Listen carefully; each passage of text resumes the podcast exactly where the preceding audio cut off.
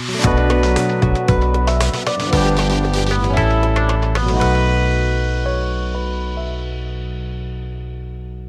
Hirdis'ten merhaba. Bugün size bir sürprizimiz var. Sadece Elif ve Elif olarak değil, bir de e, konuğumuz var. Çok sevdiğimiz ve beğendiğimiz Hanzade Hanım. E, ben kendisiyle e, 2017 yılında Marketing Meetup'ı sunduğumda e, tanışmıştım. Aslında şey yapay zeka ile ilgili bir akış vardı. Hanzade Hanım da orada böyle bir hikaye anlatıcılığı yaptı. Vespa'sıyla bütün dünyayı dolaşan bir Osman Bey'di yanlış hatırlamıyorsam. Bir 2-3 yıl geçti üzerinden şimdi şey olmasın, yanlış olmasın. Onun hikayesini anlatmıştı ve o kadar böyle alttan müzikler falan ve direkt e, dikkatimi çekti. Sonra da bende yer etti. Geçenlerde de bizim e, sevdiğimiz yine e, Işın'ın, Işın Görmüş'ün yayınında görünce dedim ki aa Hanzade Hanım ne kadar tatlı, ne kadar güzel anlatıyor ve o kadar da tabii e, yalnız değilim bunu düşünen. E, insanlar o kadar çok istediler ki ikinci yayın e, yapıldı. Dedim ki demek bu ikinci yayın olduysa bizim de artık e, Hanzade Hanım'ı konuk alma zamanımız gelmiştir. İlk konumuz siz oldunuz. Hoş geldiniz Hanzade Hanım. Hoş geldiniz. Ben de beni davet ettiğiniz için. Danışmanlık şirketiniz var. Orada liderlikle ilgili çalışmalar yapıyorsunuz. Ama biraz bakmak istedim e, daha önce neler yaptınız diye. Benim çok ilgimi çekti. Restorasyon bölümü mezunusunuz. Anladığım kadarıyla da bu hikayeleri anlatırken bir şeyin nereden geldiğini ve onun işte bütün kültürel etkisini anlatma e, yetisi oradan geliyor diye düşünüyorum ve çok e, fazla katılmışsınız projelere, ulusal ve uluslararası. E, sonrasında da şu söylediğiniz şey dikkatimi çekti. E, bu özel sektörde çalıştığım 14 yıl boyunca özellikle farklı kültürlerin tarihlerindeki hikayeler konusuna ilgi duydum ve hikaye anlatımı yönetim bilimlerinde de hikayelerin etkisi konusunda araştırmalar yaptım diyorsunuz. E, şey içerisinde de süreç içerisinde de biraz e, dokunursanız bu konuya sevinirim. Farklı kültürlerin de e, liderliğe etkisi. Bugün anlayabileceğiniz üzere konumuz liderlik. İşte lider elindeki gücü kullanabilme kapasitesine bağlı olarak çevresini etkileyen kişidir diyor. Biz de hep e, söylüyoruz işte e, her yönetici lider değildir. Aralarında farklar vardır. Ama özellikle şu geldiğimiz son günlerde liderlik daha da önem kazandı değil mi Hanzade Hanım? Bu bakış açısıyla size sormak istiyorum. Sizin e, bütün bu tecrübelerinizle karşılaştığınız profillerle liderlik aslında ne demek? Teşekkür ediyorum. Evet, e, şimdi içinde bulunduğumuz e, süreç çok haklısınız. Aslında liderliğin e, tanımını da değiştirdi bence. E, bugüne kadar aslında kendini lider olarak tanımlayan ya da lider olma yolunda ilerliyorum şeklinde tanımlayan kişilerin de bence aslında kendilerine bir nevi ayna tutması gereken bir dönem oldu diye düşünüyorum. Özellikle 1 Haziran'daki tekrar normalleşme sürecine başlayacağız derken gerek normal yaşantımızda gerek iş yaşantımızda aslında liderlerin de bence bu tarihe biraz daha heyecanla bakması gerektiğini düşünüyorum. Çünkü baktığımızda hep bahsettiğim bir şey var. Liderliğin tanımına geçmeden önce liderliğin aslında liderler kime liderlik ediyorlar? E, öncelikle bunlar da artık belirli kategorilere ayrıldı. Özellikle kuşakları düşündüğümüzde. Ben e, bu yayınımız öncesi e, koronanın e, kuşaklar üzerindeki etkileri konusunda e, araştırmalarını çok yakından takip ettim ve çok beğendim. Jason Dorsey'nin bir takım e, makalelerini de okudum ve e, çok çarpıcı üç tane noktaya değiniyor aslında Jason. Diyor ki e, bu korona süreci aslında Z kuşağı için bir çağın başlangıcı olacak. Yani onlar için aslında bundan sonra hiçbir şey eskisi gibi olmayacak. Ve Z kuşağı e, aslında baktıklarında bir tarih başlangıcı olarak tanımlıyor koronayı. Bizim bundan sonraki hayatımızda hayata bakış açımız, tüketim alışkanlıklarımız, geleceğe olan bakışımız, e, üniversite tahsilimize devam edebilecek miyiz? Ne zaman edebileceğiz? Hangi şartlarda okuyabileceğiz? İstediğimiz bölüme ya da istediğimiz ülkeye gidebilecek miyiz? hayatımız bundan sonra ne olacak? E, bir endişe taşıyorlar ve yeni bir tarihi çağın başlangıcı olarak söylüyorlar. Y kuşağı için baktığımızda onlar ikinci bir travmatik olay olarak görüyorlar ve onlar koronayı 11 Eylül'ün aslında bir katma değerli yanında verdiği yan kitabı, yan manueli olarak değerlendiriyorlar. X kuşağına baktığımızda ben de bir X kuşağı üyesi olarak emekliye ayrılma sürecini uzatıyorlar ve ailelerine, büyüklerine, e, çocuklarına ve ebeveynlerine bakacakları sürenin bundan sonra çok daha uzun bir süre olacağını düşünüyorlar. Yani üç nesil üzerinde çok e, ciddi etkisi var. Şimdi liderliğe döndüğümüzde tabii liderlerin de e, şu anda bu üç nesle liderlik yapan liderler var. Çünkü şirketlerde gerek stajyer olarak gerek yeni işe başlayan kişi olarak hem Z kuşağı var hem uzun bir zamandır çalışan Y kuşağı var hem de hali hazırda e, 20 yılın üzeri çalışan X kuşağı var. Şimdi bir lider aslında bir organizasyona, bir topluma e, baktığımızda özetle fayda sağlayan, aslında değişimi yöneten, ortak amaca ve hedefe insanların gönüllü olarak katkı sağlamalarını, yani zorunlu olarak değil, gönüllü olarak katkı sağlamalarını kolaylaştıran, bütün bunların yanında da e, ekibini, tüm e, çalışanlarını aslında ortak bir hedefe yönlendiren ve e, her şeyden önce de birlikte çalıştığı kişileri anlayan, anladığını hissettiren ve onlara örnek olan kişidir. E, sizin de biraz önce yaptığınız tanım gibi aslında e, bir kişi bütün bunları yapabilir mi diye düşünmeden edemiyor insan sayarken. Tabii liderliği aslında ünvandan ve makamdan çok bağımsız olarak değerlendirmek lazım. Yani aslında liderlik tamamen kişilik özelliklerinin bilgi, teknik bilgi ve becerilerle hem insanlara, hem topluma, hem organizasyonlara e, fayda sağlaması için ortaya konulan bir yaklaşımdır. Bu şekilde bakmak lazım. Ve biraz sonra e, konu konuyu açacak diye düşünüyorum. Orada da bahsedeceğiz. Her şeyden önce insanın kendisine liderlik etmesi önemli. Bu çok e, kritik bir nokta. Ve e, aslında liderler çevrelerine karşı her zaman ilgili ve duyarlı kişiler. Yani ben merkezli değil hiçbir zaman. Her zaman biz odaklı. E, çok önemli bir şey aktif dinlemek. Karşısındaki insanların fikirlerine, görüşlerine önem vermek. Herkesi sürece katmak yani kimseyle ilgili bir varsayıma, bir genellemeye sahip olmaksızın doğal davranan, hata yaptığında kabul eden, özür dileyen ve bunu bir erdemlilik olarak gören kişi lider. Bunların yanı sıra da birazdan zaten açacağız konuları. Evet. Peki böyle Türkiye'nin lider haritası desek, bir puan verin desek kaç verirsiniz Türkiye'nin e, liderlerine 10 üzerinden? Bugüne kadar karşılaştığınız profilleri düşününce. Yani e... zor bir soru oldu Elif. 10. 10 verdiniz anladım.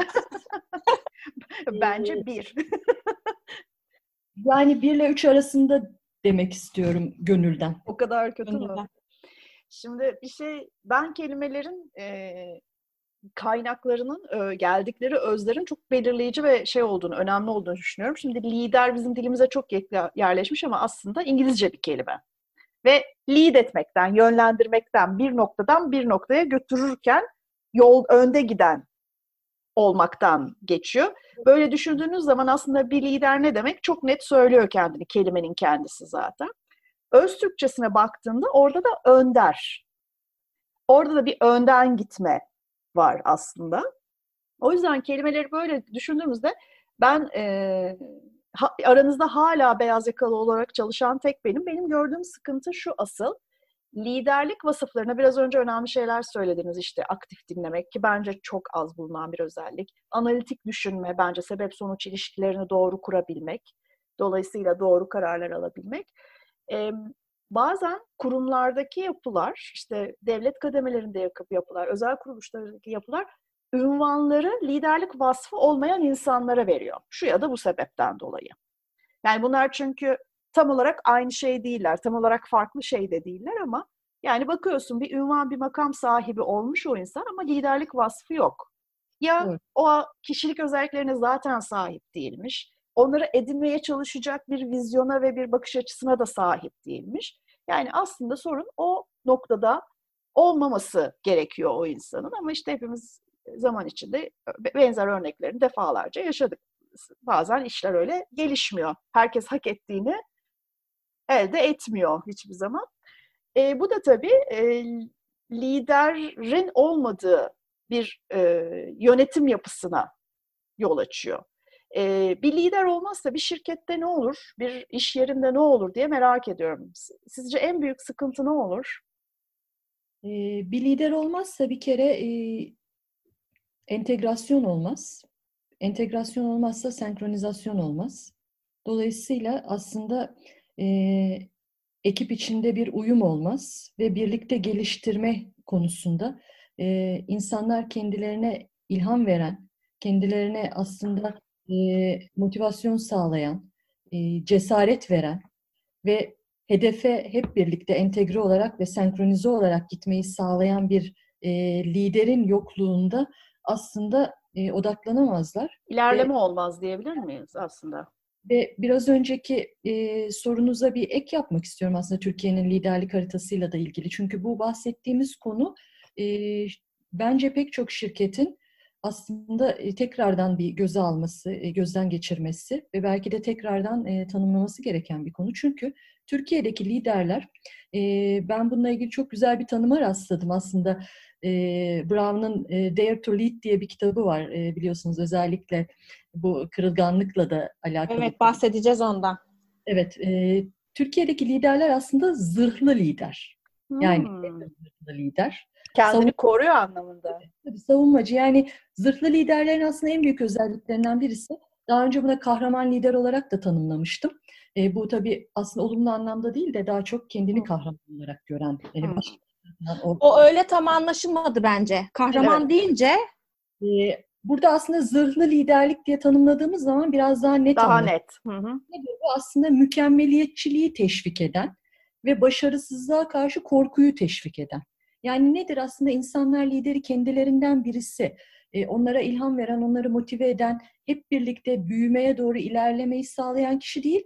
Her zaman işte başarısızlıklarını yüzlerine vuran, e, korktukları, e, mükemmel olmaları gerektiğini hissettiren ve en ufak bir hatada e, hatayı üstlenmeyen, hatayı hep karşısındakine yükleyen, işte e, bir takım e, za- sadece zaferleri kutlayan, yani e, hataların sonuçlarına hep birlikte yüzleşmek yerine e, kendisini belli başarıları bir, sahiplenen. Yani başarıyı sahiplenen ve hep e, işte mağdur insanları ezen, e, onların e, belki hep kendini haklı gören, e, sürekli bir eleştiri, sürekli e, katkıda bulunmak, risk almak yerine e, hatayı da karşı tarafa sorumluluk olarak yükleyen, yani bu zırhlı lider aslında Türkiye'de kendini böyle bir kaide üzerinde, bir e, heykel gibi düşünün. E, o zırhının arkasında aslında e, lider olmaktan çok orada bir kaide üzerinde yükselen bir e, heykel pozisyonunda konumlandırıyor kendini liderler. Bu yüzden ben 1 ile 3 arası üzülerek puan veriyorum dedim. Çünkü gerçekten rastlayamıyorum ve rastlayamadığım için de çok üzülüyorum. Yani bunu biz kendi içimizde de şirkette de sık sık e, böyle beyin fırtınaları yaparken konuşuyoruz. E, neden diyoruz böyle bir e, liderle karşılaşmıyoruz biz Türkiye'de? Neden şirketlerde sürekli kendini e, kahraman gibi gören, sürekli kar pazar payı terimlerini kullanan, e, dışarıdaki e, aslında diğer markalarla, diğer şirketlerle, diğer e, bir takım e, kuruluşlarla rekabet etmek yerine e, neden sürekli içeride kendi çalışma arkadaşlarıyla rekabet eden e, liderler, lider diyemeyeceğim. Yönetim. onu soracaktım. Neden sizce bizde bu kadar düşük bu liderlik vasfı? Değer mi verilmiyor? O tarafa doğru mu gelişmiyor insanlar? Aslında bu tek taraflı bir şey değil bence. Şimdi hep dedik ya lider özür dilemeyi erdemlilik olarak görür, hatayı kabul eder. Hata yaptıysa işte elini kaldırır burada ben hata yaptım arkadaşlar diye bunu e, işte kırılgan dediğimiz e, liderler şeffaf davranır. E, tabii şey çok önemli. Şeffaflık deyince şimdi bütün bunların temelinde aslında e, iki tane T var. Trust ve transparency. Yani bir lider ilk önce güven inşa etmelidir. Güven ve şeffaflığın olduğu ortamda zaten biraz sonra da sayacağımız, bahsedeceğimiz diğer bütün o e, özellikler beraberinde gelir. Türkiye'de neden bu olamıyor? Çünkü e, Türkiye'de liderler doğal davranmıyorlar. Kendileri hı davranmıyorlar. Hı-hı. Bir e, şey var giydikleri, e, bir e, kostüm. Evet, bir zırh. Ve onun arkasında aslında e, çok güzel bir söz var. İşte başkalarının e, yüzünü, başkalarının e, mizacını takınan insanlar bir süre sonra kendi çehrelerini unuturlar diye. Dolayısıyla o kadar çok başkası gibi davranıyorlar ki bir süre sonra kendileri de kim olduklarını unutuyorlar. Ve hep bir maalesef koltuk kavgası ve koltuk korkusu var Türkiye'de. Yani bir şey üretmek yerine e, sürekli bir eleştiri, sürekli başkalarıyla kıyaslama, sürekli başkalarının hatalarını görme, çözüme değil sürekli soruna odaklanma ve e, dinlememe. Çok büyük bir problem. Türkiye'de e, liderler dinlemiyor. Bu noktada aslında biz daha önceki kayıtlarda da söylemiştik. Bunu liderlikte konuşmak çok mantıklı olurdu diye ama onu ben yine de konuşmanın sonlarına doğru saklayacağım. Yetenek yönetimi benim Türkiye'de çok aradığım ve bulamadığım bir e, şey. Çünkü bu aslında liderlerin sadece bir pozisyonda bulunması ama aslında gerçekten lider olmamasıyla çok ilintili. Kendine güvendiğinde, etrafına güven verdiğinde bir şeyi çoğalarak çeşitlilikle, farklı yeteneklerle, farklı kişilerle yapmanın zenginlik olduğunu fark ettiğinde aslında bu kişinin kendi bir öz bilinci yani bunu farkında olması lazım. Şimdilerde çok sevdiğim bir söylem var. Daha çok böyle biraz daha spiritüel sektörlerde bu konuşuluyor ama egodan ekoya diye. O kadar çok egoyla doluyuz ki altımızdaki bir yeteneğin gençliğinin, heyecanının, e, işte onun yapmak istediklerinin farkına varsak bile hemen diyoruz ki buna engel olalım. Şimdi biz Türkiye'deki liderlerle ilgili biraz karamsarız ama bu şey içerisinde, süreç içerisinde dedik ki belirli veriler elde edelim, bakalım, soralım. Şimdi gözlemliyoruz diyor. Evet ama gerçekten acaba öyle mi? Elimizde bir veri seti oluşsun. Bu yüzden Laden Proud'da araştırmalara başladık. Tek soru şeklinde sorduk. Şimdi bu konuyla ilgili bir soru sorduk. Dedik ki post korona iş dünyasında hangi liderlik becerisinin daha kritik olacağını düşünüyorsunuz? 412 katılımcı online anket yöntemiyle bu soruyu cevapladı ve bunların birçoğu iş dünyasında e, iyi pozisyonda olan insanlar. Şimdi yanıtlara gelelim. Biraz şu yanıtları konuşalım istiyorum. Dedik ki e, mesela yenilikçilik sizce ne kadar kritik olacak? %23,5 yenilikçilik dendi. Strateji dedik. %20'si strateji dedi. Çevikliğe %14,1 e, daha çok önem kazanacak, kritik olacak diyenler var. Vizyon %12.9'da, yaratıcılık 11.8'de, dayanıklılık işte bizim birazdan bu sayacağımız resilience dediğimiz e, şeyde de çok konuşulan yabancı makalelerde de çok karşımıza çıkan bir kelime. 8.2 dinleme hani şimdi hep dedik ya çok önemli diye. 4.7 çıktı. Pragmatizm 3.5 e, ve rekabet %1.2. Şimdi ben her zaman şöyle konuşmalarıma başlıyorum. Eğer bir e, iş modeliyle ilgili, bir e, stratejiyle ilgili konuşma yapacaksak, eğer bir stratejiniz yoksa bir business'ınız da yoktur diyorum. Strateji o kadar önemli, o kadar hayati bir şey ki. Şimdi mesela ben kendi adıma tabii bunu şey yaptım, e, düşündüm. Kendi düşüncelerimi en son e, söyleyeceğim ama sizinkileri merak ediyorum mesela. Nasıl karşıladınız bu sonuçları? Şimdi bu sonuçlara baktığımızda aslında e, sırasıyla değerlendirdiğimizde hepsi birbirine bağlı ama biraz önce söylediğim gibi bütün bu maddelerin artı e, liderlerin taşıdığı diğer özelliklere baktığımızda aslında hepsinde tabii dönüp dolaşıp güven konusuna geliyoruz ama yenilikçilik olabilmesi için öncelikle tabii kime yenilikçilik? Yani liderin o yenilikçiliği uyguladığı e, ortam, koşullar, ekip, e, farklı ve sıra dışı bir lider olmak için, yenilikçi bir lider olmak için ilk önce öngörü sahibi olması gerekiyor lideri. Yani öngörü sahibi olmayan bir lider zaten yenilikçi olamaz. Global bir perspektiften bakması gerekiyor. Tabii ki e, hem dünyadaki trendleri hem kendi sektörüyle ilgili trendleri, teknolojiyi, insanı, kendi çalışan profilini, yönetim anlayışını hepsini çok iyi takip etmesi, hakim olması ve bu konudaki öngörüsüne göre de strateji üretmesi gerekiyor. İşte bunlar birbiriyle aslında o kadar linkli, o kadar iç içe ki yani bir ağacın kökleri gibi. Bir de tabii ki e, geçmişten elde ettiği bir takım verileri, geçmişteki tecrübelerinden aldığı dersleri, şu an yaşadığı, bugünün şartları, baktığı pencereden, bugün içinde bulunduğu ortamla birleştirip, bütün bunları gelecek trendleriyle de besleyip, işte hep bahsediyoruz ya, e, geç görü, iç görü, öngörü diye. E, bunlar böyle bir saç ayağı gibi düşünebiliriz. E, üçü birbirinin dengede durmasını sağlar. Biz mesela bundan önceki bölümümüz içgörüydü. İçgörü nedir, ne değildir diye bunu yaptık. Öngörüyü biliyoruz ama ben açıkçası bilmiyorum demek de bir şey. Geçgörüyü ilk defa duyuyorum. Nedir bu geçgörü? Geçgörü şu. Şimdi öngörü sahibi olabilmemiz için yani geleceğe ait bir takım e, öngörülerde bulunabilmemiz için ne yapmamız gerekiyor? Sizin de üzerinde durduğunuz bu e, içgörü. Yani bugün bulunduğumuz şartları da iyi okuyabilmemiz, o haritayı iyi e, görebilmemiz. Aynı zamanda şimdi bugünün şartlarına hakim olmamız da yeterli olmuyor. Bir de geçmişten getirdiğimiz bir takım tecrübeler var. Yani ha, onun adı. Tabii geçmişte yaşadıklarımızı hiçbir zaman hani her zaman tabii ki diyoruz e, geçmişe 5 dakika geleceğe 55 dakika bakalım. Tabii ki bununla beraber geçmişte yaşadığımız e, çok değerli tecrübelerimiz var. İşte onların içinden burada analiz ve sentez yapmak bu da tabii bir liderin en önemli yetkinliklerinden birisi.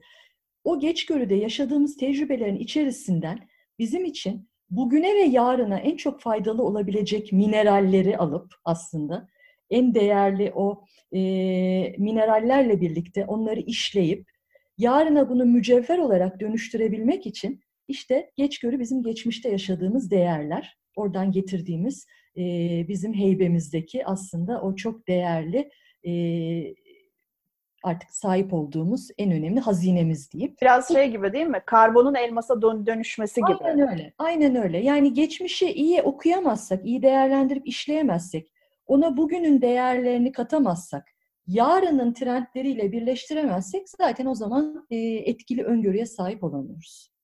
Elif sen ne diyorsun mesela? Diyorlar ki e, iş dünyasında şu anda en kritik yetenek yenilikçilik olacak diyorlar liderler. Sen katılıyor musun buna?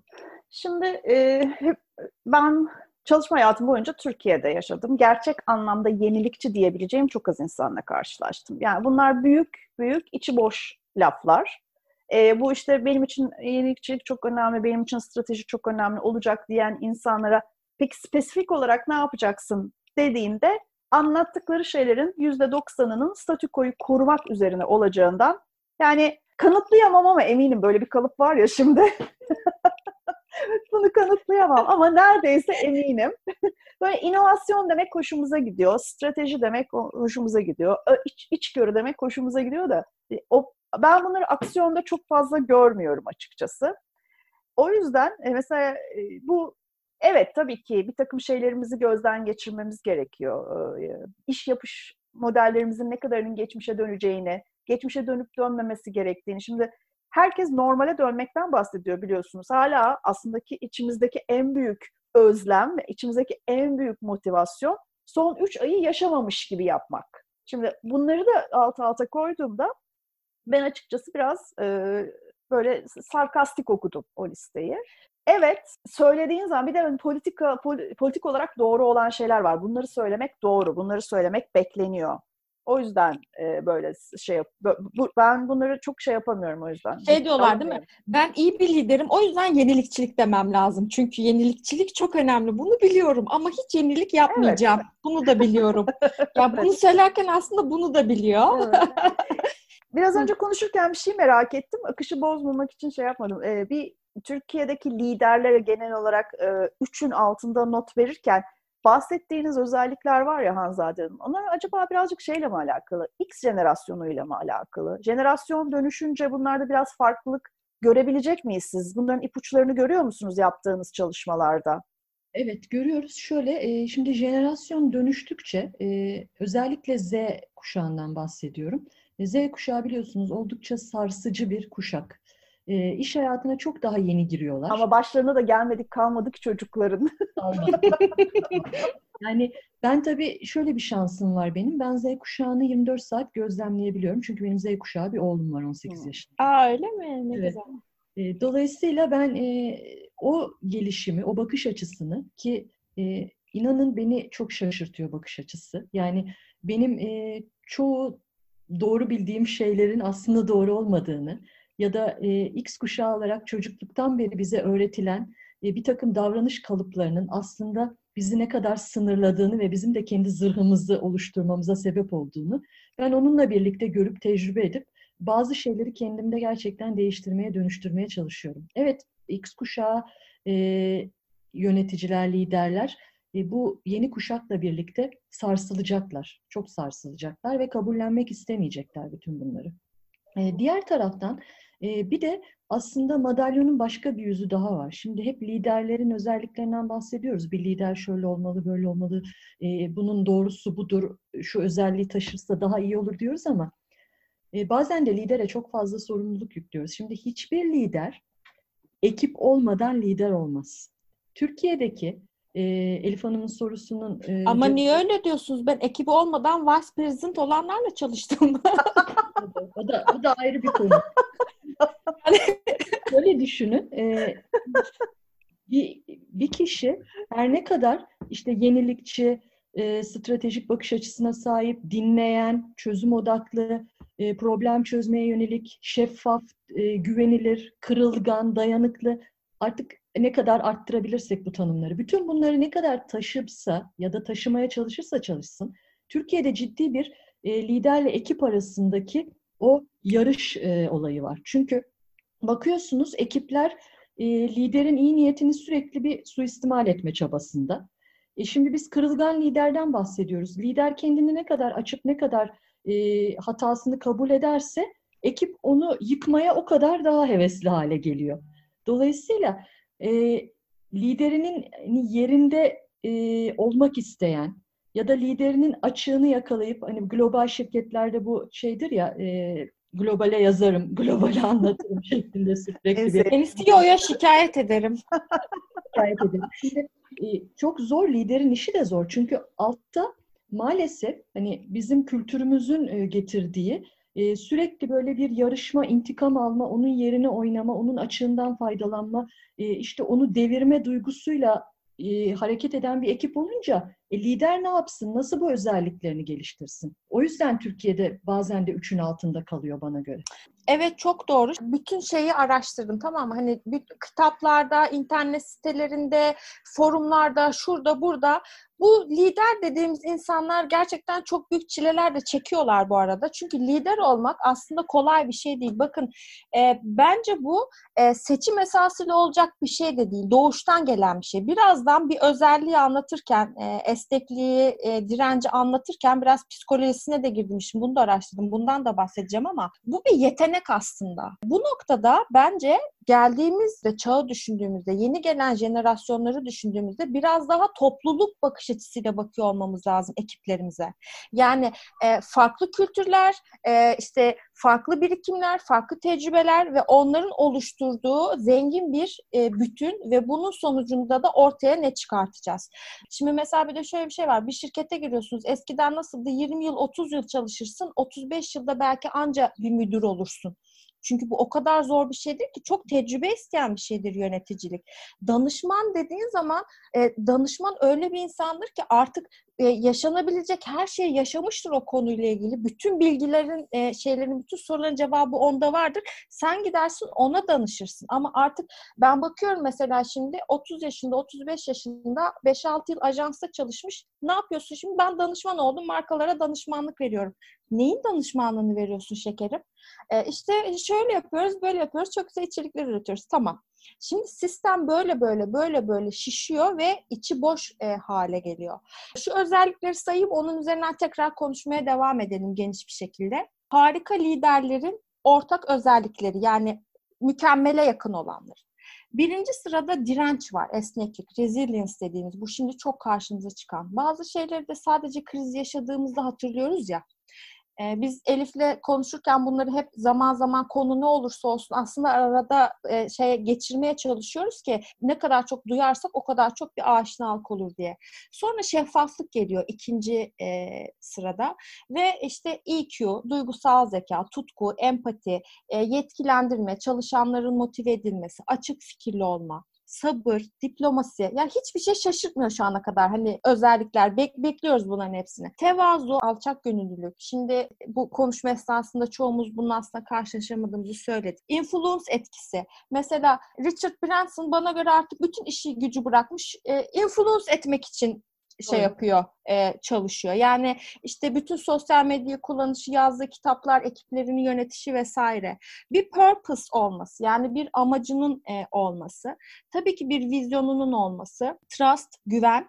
E, integrity Türkiye Türkçe'ye çevirince çok anlamlı olmuyor ama hani bir bütünlük, bir dürüstlük. Hani bu insan bir şey söylüyorsa sözüne güvenilir diyeceğimiz e, kişi diye ben düşünüyorum. Problem çözme dinleme, sorumluluk alma ve motive etme.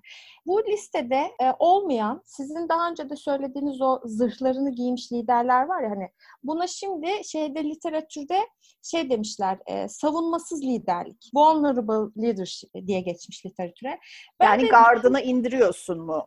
Evet. Evet çünkü neden biliyor musun? Ee, öyle karmaşık bir dünyada yaşıyoruz ki şu anda. Onlar da bilmedikleri bir şeyin içerisindeler ve hata yapmamak gibi bir yani yapay zeka olmadıkları için henüz o kadar e, sıfır derecesinde hata şeyine inmediğimiz için insan hala hata yaptığı için burada artık böyle bir şey çıkıyor karşımıza. Ben diyorum ki bu listede bence konuşmaya değer iki madde var. Biri direnç, resilience. İki bu kırılganlık konusu. E, aslında biraz önce söylediğimiz gibi çok bir kere çok doğru bir tespit yapmışsınız. Esneklik ve kırılganlık bence e, özellikle de bu yaşadığımız sürecin sonunda e, liderlerin en çok hani kendilerinde sorgulamaları gereken iki özellik diye düşünüyorum. Bu ya, yazan 21 madde biz buna bir de kırılganlığı eklediğimizde 22 madde oluyor. Bunların hepsi aslında güneş sistemi gibi düşünebiliriz. Yani hepsi aslında ortada bir e, güven var ve onların hepsi güvenin etrafında yörüngelerinde dönüyorlar ve e, güvenle şeffaflık, açık paylaşım. E, aslında hiç kimsenin gizli ajandası yoksa, herkes erdemli ve olgunsa, hatasını kabul ediyorsa, kalkanlarını indiriyorsa, e, o zaman işte liderliğin diğer özellikleri de e, kendiliğinden arkasından geliyor ve e, en önemlisi de bu uzaktan çalışmanın çok önemli olduğu ve hızla adapte olduk denilen bu e, şu anda günümüzde aslında e, bütün bunların yanında accountability yani öz sorumluluk da çok önemli. Hı hı. Bir liderin en çok şu anda bence Türkiye'deki liderlerin en çok zorlandığı konulardan biri de işte bu e, zırhlı liderlerin özellikle e, ekiplerin işte bir, şirketin herkesin bir bütüne katkı sağlaması noktasında accountability'yi kontrol etme noktası. Siz şeyden bahsetmiştiniz. Bu e, süreç içerisinde mavi yaka inmiş sahada çalışıyor yönetici ekrana bağlantıyla bağlanıp sizinle işte gurur duyuyorum konuşması yapıyordu diye. Bu ne kadar çarpıcı bir örnek. Geçenlerde Güler Sabancı'yı gördüm. Sahaya inmiş. Bütün Carrefour çalışanlarına birebir diyor ki işte size güveniyoruz, sizi önemsiyoruz, sağlığınız bizim için çok önemli. Bizzat yerinde e, şey olarak şirketin en tepesindeki insan olarak gitti fiziki olarak onlara bu mesajı verdi ve karşılarında benim gördüğüm manzarada çalışanlar çok mutluydu. Senin gördüğün manzarada mutlu olmamaları pek mümkün değil Elif'ciğim. Kameralardan dolayı mı? Henüz daha kimse o kadar olmadı yani. Birazcık ütopik bir konuşma yapayım dedim ama olmadı galiba. yemezler. Tabii ya, orada bir production var. Ben e, Elif evet. Hanım'a katılıyorum. Ya, hani. e, ben jestlerin önemine inanıyorum bu arada. Hani güldük şaka falan ama bence önemli bir jest. E, arkasındaki yapmayabilirdi tabii. Tabii tabii. Yani arkasındaki niyetin mutlaka içinde hepimiz seyrettiğimize göre bir tanıtım, bir PR, bir kurumsal iletişim falan var. Yani sen ben gördüğüme göre öyle bu iş. Ama e, jestler de önemli. Ben e, Türkiye'deki liderleri e, yetenekleri olsa bile e, bir ge, genel iyi lider seviyesine çıkaramayan en önemli şeylerden birinin de kültürel değerler olduğunu e, düşünüyorum. Çünkü biraz önce Hande Hanım değindi ama sonra hemen başka bir konuyu atladık. Bizim bence kültürümüzün oryantalist bir yanı. E, ben çünkü burada gerçekten bir zamanlar daha iyi kaynaşmış, şu anda çok iyi kaynaşmış gibi görünemeyen bir e, şey e, Garp ve oryant şeyi var, e, yapısı var. Bizim oryantalist yanımız hata yapmayı e, zayıflık kabul ediyor. Özür dilemeyi zayıflık kabul ediyor. Kibarlığı zayıflık kabul ediyor. Teşekkür etmeyi zayıflık kabul ediyor. Şimdi bu bir gerçek. Ve bunu insanı da yukarıya koyduğun zaman arkasındaki altındaki 5, 10, 50, 500 insanın yönetmesini istediğin zaman bu tür küçük zayıflıklar senin e, konumunu sarsıyor. E, babamın e, anlattığı bir hikaye vardı. Ona özgü bir hikaye değil. Çok şey. E, biz yaşadığımız için orada bir geçici bir süre bize daha çok hitap ederdi. İstanbul'dan gazeteci kalkmış, Erzurum'a gitmiş. Erzurum'da kahvehane yoktur, çayhane vardır. Çayhanelerden birine oturmuş, çaycıya işaret etmiş, bir çay alabilir miyim lütfen demiş. Çaycı da paranla içeceksin ne yalvarıyorsun ki demiş. yani bence bu tabii ki bir hikaye bu, şehir efsanesi. Yaşandı mı, yaşanmıştır da belki bilmiyorum gerçekten. E, bence bu bizim olaya bakış açımızı gayet iyi yansıtıyor. Yani parasını veriyorsan emir açan, bir çay ver diyebilirsin mesela adama. Böyle bir bakış açısı yaygın olduğu için bu topraklarda hayatımızı sadece İstanbul'dan ibaret de kabul etmeyelim. Yani iyi, iyi liselerde, iyi üniversitelerde okumuş master yapmış insanlardan ibaret değil hiçbirimizin yönettiği, çalıştığı kadrolar ya da yöneticilerin sürekli olarak e, iletişim içinde kalması gereken kadrolar.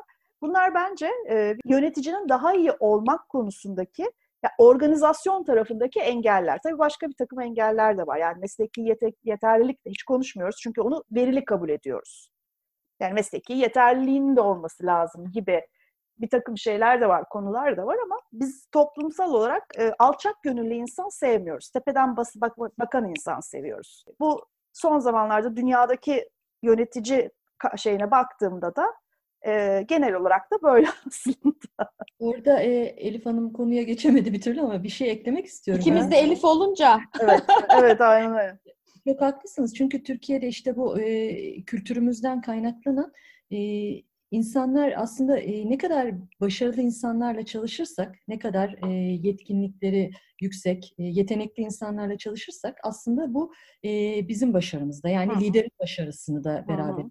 Ama Türkiye'de bu böyle görülmüyor. İşte Görülmüyor. bahsetmiştim. E, Türkiye'de maalesef e, danışman bile rakip olarak görülüyor. Şimdi siz biraz önce dediniz ki e, danışman geldiyse o hani bir sürü tecrübesi vardır. Onun tecrübelerinden yararlan. İşte şimdi bir genel müdüre e, bir konuyla ilgili doğruyu söylediğinizde bu sefer eğer bir e, aile şirketi ise bu, genel müdür yönetim kuruluna e, bu e, doğrular ulaşmasın diye bu sefer danışmanı rakip olarak görmek istiyor, görüyor ve onu sahadan çıkartmaya çalışıyor.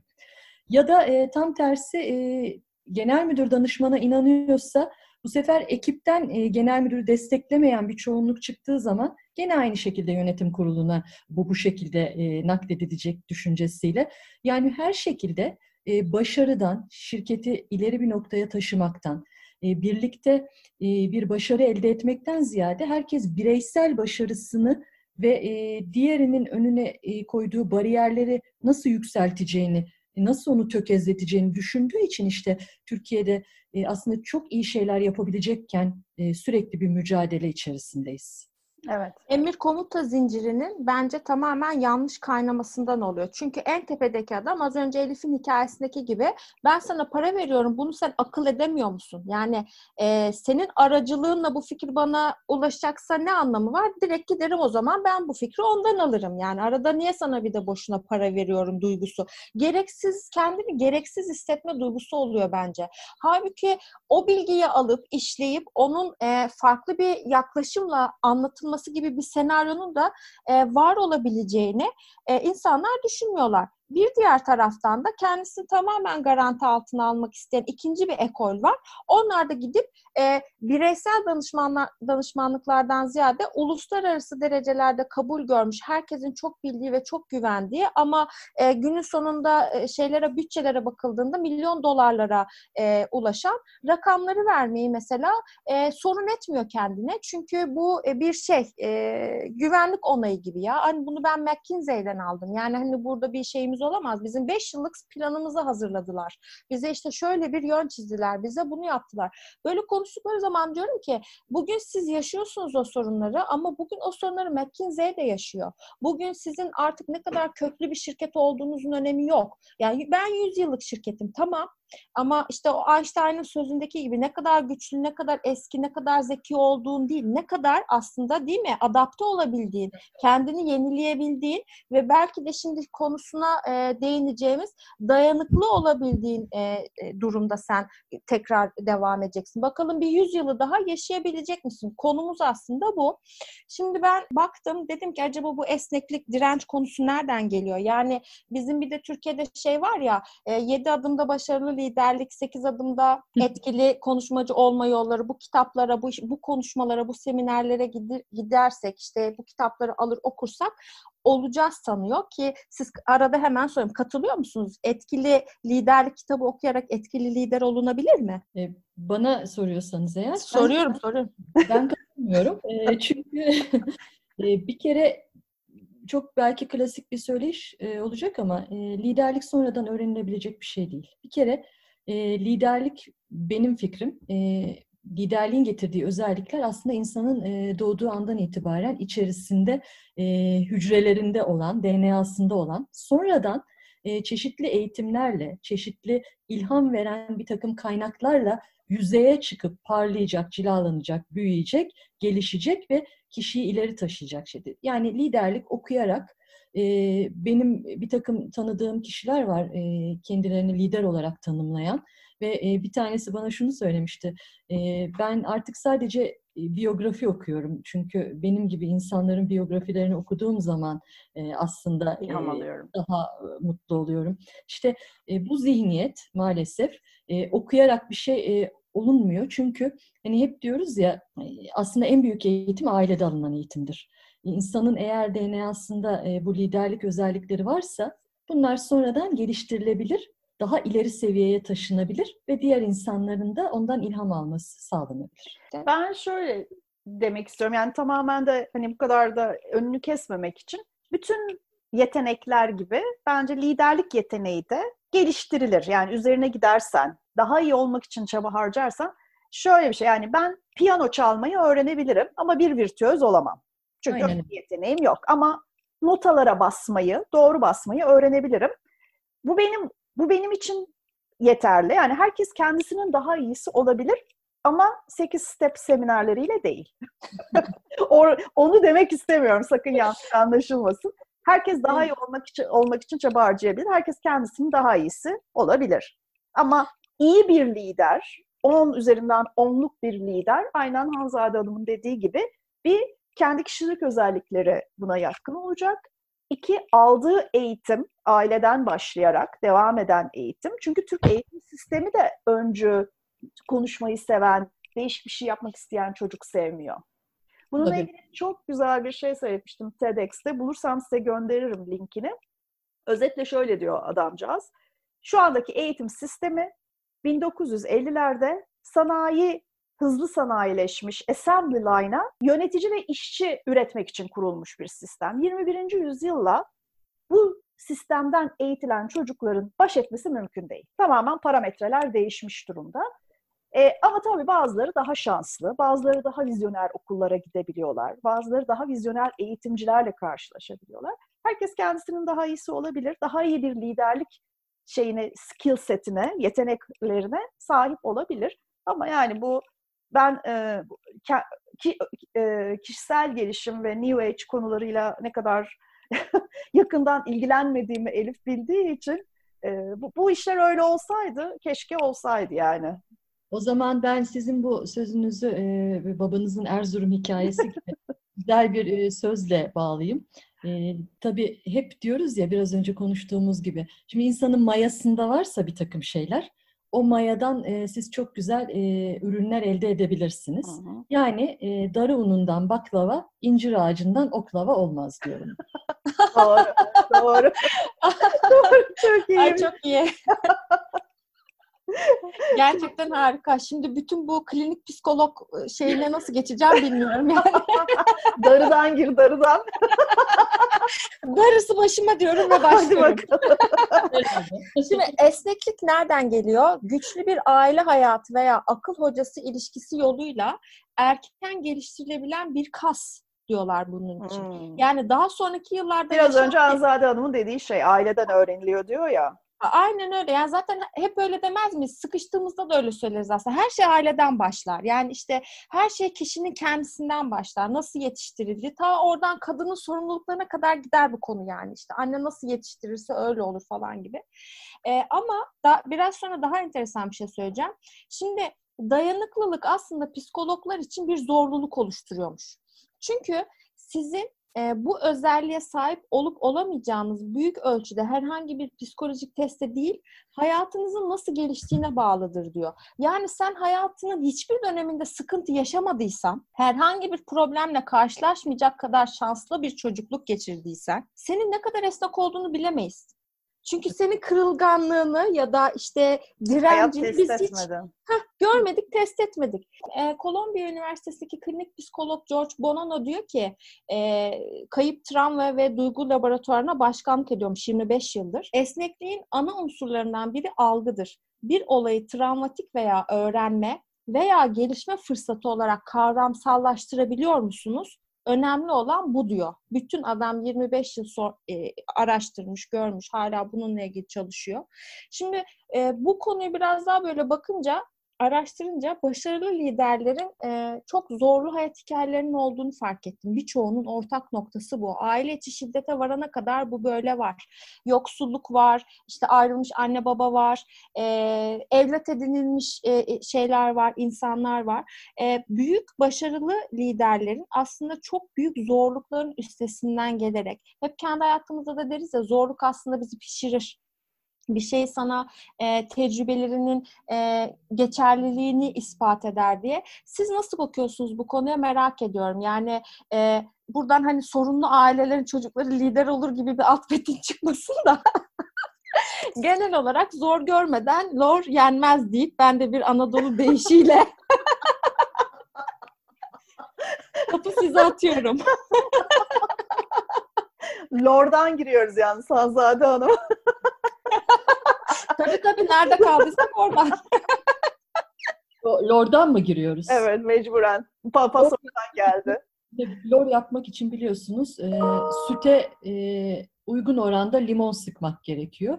Dolayısıyla e, aslında e, limon sıkıldığı zaman hayatımızda da bir takım böyle ekşilikler ortaya çıkabilir. E, zorlukların göbeğinde fırsatlar yatar diyerek bağlayayım ben de Lor'dan konuyu. Süper oldu.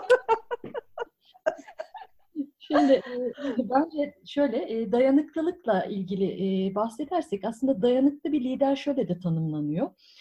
Başarısızlıkları çabucak kurtulunabilecek geçici aksaklıklar olarak gören kişidir. Yani başarısızlığa aslında çok odaklanmak değil de bunu atlatacağım ben. Yani bunu çözebilirim. İşte bahsettiğim gibi çözüm odaklı dediğimiz. Yani belirsizlikle karşılaştığında da aslında dayanıklı dediğimiz liderler e, ilerlemenin bir yolunu buluyorlar ve mutlaka sıkışmaktan kurtarıyorlar kendilerini.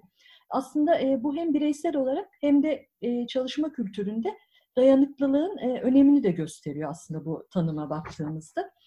E, tabii dayanıklı liderlerle ilgili e, önemli bir şey var. E, biraz önce bahsettiğimiz aslında kendinden liderlik dediğimiz yani kendine liderlik etmek aslında dayanıklılığın başlangıç noktası oluyor. Çünkü e, dayanıklılık ya da esneklik dediğimiz e, liderlik kavramında aslında insanların e, sıkıntıyı, aksilikleri, travmaları karşılama ve daha sonra onların onlardan kurtulma kapasitesi oran olarak baktığımızda. Yani dayanıklı liderler aslında bu yıkıcı değişikliklerle başa çıkabilen, bunları bir öğrenme noktası olarak gören, bunlara uyum sağlama yeteneğine sahip liderler. Düştüğü bu, zaman kalkabilen. Bu çok önemli bir şey aslında başkasına zarar vermekten ya da işlevsiz davranışlarda bulunmaktan da kaçınıyorlar böylece. Çünkü aslında her şeyi bir fırsat olarak görüyorlar ve dayanıklılık dünyadaki araştırmalara baktığınızda da yüksek performanslı liderlerin de en önemli özelliklerinden birisi olarak görülüyor. Ben burada araştırmaların sırasında güzel bir noktaya da rastladım. Aslında kendine liderlik etmek, e, dayanıklı liderliğin başlangıcı dedik ya bu konuda dünyadaki en e, değerli örnek Nelson Mandela olarak e, görülüyor. Ve çünkü e, Mandela o 27 yıllık aslında e, hapis hayatında bunu e, kendine liderlik etme konusundaki bütün e, yetkinliklerini e, geliştirmek üzerine kullanıyor bu süreci ve e, uzlaşmayı ve barışı savunarak aslında bu süre içerisinde de kendine e, bir yerde yol haritası e, olarak gördüğü William Ernst Henley'nin e, Invictus şiiri var. Bu şiirden de iki cümleyi e, kullanıyor. Tüylerim diken diken oldu. Evet, bence çok etkili bu. Diyor ki, ben kaderimin efendisiyim, ruhumunsa kaptanıyım diyor. İşte kendine Harika liderlik şey. bir noktada başlıyor. Mandela'nın evet. hikayesi beni çok etkileyen hikayelerden biri. Ee, sizin bu anlattığınız çerçevede e, böyle bir an gidip tekrar düşünme fırsatı buldum gerçekten. E, çünkü 27 yıl e, haksız yere çünkü e, talep ettiği her şey şu anda gerçekleşti. Ama onları talep etmeye cesaret ettiği için öyle bir had gösterdiği için 27 yıl hapiste kaldı bu insan ve hapisten e, bilenmemiş, hınçlanmamış ve acılaşmamış olarak mücadele yapmaya hazır çıkmış olması bence çok özel bir insan olduğunun göstergesi zaten. Ee, yani topunuzun deyip de çıkabilirdi. Ama gerçekten hatta e, kendi hayat hikayesiyle Invictus galiba o filmi seyrettiyseniz karısıyla arasında geçen bir çok etkileyici bir şey var. E, ne denir ona? Diyalog var. E, gerçekten de Mandela'nın düşünce yapısını, kafa yapısını çok iyi anlatan e, bir diyalog. Buradan duygulanmış ben, olarak konumuza geri dönelim. Du- duyguları Ama hatırlattığınız için çok teşekkür ederim. Seyredeceğim o filmi tekrar. Çok spesifik bir örnek. Ben de gerçekten hiç beklemiyordum. Teşekkür ederim bu örnek için. Ee, ben de hep şeyi kullanırım böyle e, ilgili noktalarda. E, şimdi Sokrates biliyorsunuz ölüme e, mahkum edilmiş. E, bal Baldıran, ya da baldıran, baldıran. zehriyle zehirlenerek öldürülmüş. Şimdi o son artık eşiyle görüşme şeyinde ölmeden önce diyorlar ki diyor ki yani bütün bunlara değdi mi tadında bir konuşma yapıyor. Bak diyor e, 30 zalimler seni ölüme mahkum etti. O da ölüme gitmeden hemen önce e, şu sakinlikle ve şeyle ona diyor ki olsun doğada onları diyor. Ve şimdi bu benim zaman zaman üzerine çok da düşündüğüm bir şeydir. Yani evet e, hepimiz hayatımızda en az bir kere haksızlığa uğramışızdır. Şimdi burada hani uğramamış hiç kimse yoktur. E, kariyerindeki belirli pozisyonlar geciktirilmiştir, işte başka bir şey olmuştur.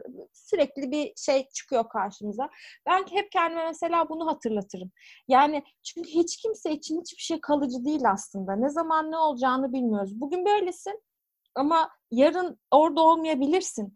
Ee, işte sen orada olmadığında ben kendime güveniyorum. Ben hep aynı yerdeyim çünkü hani ne zaman ne yapacağımı biliyorum. Ama e, bu da kolay bir şey değil. Çok yönetilebilir bir şey değil. Buradan kırılganlığa, evet kırılganlığa geleceğim buradan. Yani e, kırılmaktan o kadar çok korkuyoruz ki hepimiz. Çünkü savunmasızlık bir güçsüzlük e, olarak algılanıyor ya karşıdaki kişilerden. Ve genelde de e, eğri oturalım, doğru konuşalım derler ya zor bir e, piyasa bizimkisi. Özellikle işte bu yaratıcıların çok e, şeyde olduğu üst e, yöneticilerle şeylerle e, güven konusu burada tabii tekrar karşımıza çıkıyor ama e, yumuşak karın ararız yani işte ama bakalım bunun hani yumuşak karnı neresi ben oradan gireyim de yavaş yavaş oradan bir koridor açayım kendime ilerlerim ilerlerim yolu öyle kısaltırım birden tak oraya giderim diye. O yüzden bence biraz da hani evet lider olmak çok zor bir şey. Evet herkes e, kendi doğuştan lider olmayabilir. Bazı çabalar sarf edebilir ama bu insanlar biraz bunlarla da savaşıyorlar. Yani biraz da haklarını teslim etmek anlamında söylüyorum. Şimdi bir araştırma yapılmış. Ee, şimdi hani Oraya burada... geçmeden bir şey söyleyeyim mi? Yani lider oldum diyemem ama uzun yıllar yöneticilik yaptım, yapıyorum. Ee, bana göre bir liderin ya da bir yöneticinin e, sahip olabileceği en büyük avantaj avantaj kendi ekibini kendi kurma. Bunu her zaman yapamayabiliyoruz. Yani ekibimizin belli bir yüzdesini kendimiz kararlaştırabiliyoruz. E, ya da tamamen ekibi birinden miras olarak alabiliyoruz. Böyle bir fırsat elimize geçtiği zaman hep doğru adımlarımı atıyoruz. O da ayrı bir tartışma konusu ama bir de ekibinle ilgili yüzde yüz ve tek karar verici değilsen eğer e, birlikte çalışmaktan ve birlikte değer yaratmaktan e, zevk alacağın insanları da seçemeyebiliyorsun. Bu da bir başka Ama boyut.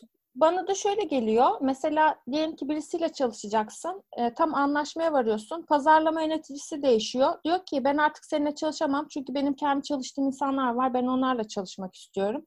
Bu taraftan baktığında bu bir hayal kırıklığı hikayesi. Çünkü herkes kendi ekibini getirirse e, orada zaten hani ya bu mesela başka bir konu. Oraya şimdi girmeyeceğim ama buradan e, şeyi söylemek istiyorum. Araştırmanın sonucunu söylemek istiyorum. Bütün e, özellikleri saydık zaten söyledik neler olması gerekiyor diye. Dünyanın en tanınmış ve en bilinen en eski iş okulu The Wharton School'u biliyorsunuz. Hep yani herkes gider buradan bir yıllık bir şey alır. Bir business management e, diploması alır, sertifikası alır. Zaten onu oraya koyar. O artık yönetici olmuştur. Ee, onun yöneticisi şimdi bu yılın mezun olanlarına diyor ki dünya baş döndürücü bir şekilde karmaşık bir yer haline geldi. İhtiyacımız olan şey karmaşıklığı açığa çıkartabilecek olan liderler. Şimdi buna unpack complexity diyorlar e, şeyde e, literatürde. E, bir de şimdi geçen kayıtta da konuştuk ya VUCA diye bu belirsizliğin işte karışıklığın, karmaşıklığın olduğu bir dönemde ve şimdi bunun üstüne bir de Covid eklendi. Herkese bir post korona e, şeyi var. E, ne denir ona? Biraz böyle bir e, panik hata var. Hani ne olacak, evet, ne yapacağız? Sendromlaştı resmen evet. İşte şimdi bizim liderlere ihtiyacımız var. Bu kırılganlık konusu da biraz aslında Brené Brown'un e, TED'de yaptığı ve kendisini de aslında hiç beklemediği, sonrasında çok şaşırdığı, YouTube'da bu kadar çok izlenince şeyde kırılganlığın gücü, The Power of Vulnerability diye bir şeyi var. Oradan e, şeye çok yayıldı, konuşulmaya başlandı. Ve sonrasında da dediğim gibi bu savunmasız liderlik diye bir 21. yüzyıl lideri diyebileceğimiz bir profil çıkmaya başladı. Siz aslında Hanzade Hanım konuşma içerisinde söylediniz, bunları atıfta bulundunuz ama belki şimdi bütün bu e, şeyle beraber bir yeni bir şeyler söylemek istersiniz. E, tabii şöyle zaten aslında biraz önce konuştuğumuz dayanıklılık, esneklikle kırılganlık aslında birbirini çok destekleyen konular bir liderde bulunduğu zaman. Bunlara bir de e, tabii çok önemli bir şey var eklenmesi gereken. Özellikle dayanıklılıktan kırılganlığa geçerken ya da ikisini birlikte barındırırken bir liderde burada çok çok önemli bir konu bir de metanet var.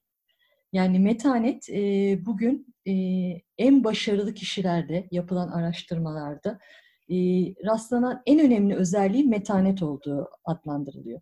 Yani biz lidere aslında sadece e, bir takım verilerle, bir takım e, istatistiklerle bakmamamız gerekiyor. Aslında liderlik tamamen e, sadece e, beyinde değil, kalpte e, olgunlaşan bir kavram. Yani insanların açık bir kalbe sahip olmaları gerekiyor. Eğer açık kalbe sahip olurlarsa, duygularını e, kolaylıkla ifade edebilirlerse ve duygusal boşlukta olmazlarsa aslında bu denklemin bütün parçaları tamamlanmış oluyor. İşte duygularını ifade edebilen ve o duygusal boşlukta olmayan liderler de aslında bizim bu kırılganlık dediğimiz e, kısma geçmiş oluyorlar. Aslında kırılganlık baktığımızda yani başkalarına önem verme düzeyi yüksekse bir insanın, ekibinin fikirlerine, düşüncelerine önem veriyorsa, onları dinliyorsa, e, kendisini e, eleştirebiliyorsa, bu e, özelliklere de sahipse aslında e, kırılganlığı da otomatikman geliştiriyor. Maalesef işte biraz önce Elif Hanım'ın da söylediği gibi kırılganlık e, zayıflık olarak e, görülüyor. Şimdi bizim kültürümüzde de bu böyle var. Ne deniyor işte lider işte güçlüdür, asla duygularını e, açığa vurmaz, kendisi e, hiçbir şeyden korkmaz, işte ekibini e, yönetirken e, daha kurallara e, bağlıdır, e, çok fazla duygularını açmaz deniyor ama değil işte bu. Yani aslında e, bütün dünyada gene yapılan araştırma, mesela 2014'te Harvard Business Review'da bir makale var Emma Sepala'nın. E, bu makalenin sonucunda da yapılan araştırmalar şunu gösteriyor ki aslında kırılgan liderler en çok ilham veren liderler. Çünkü ekip karşısındaki insanla kendini aynı e, duygu diliminde gördüğü zaman zaten ekip de kendi duygularını açıyor.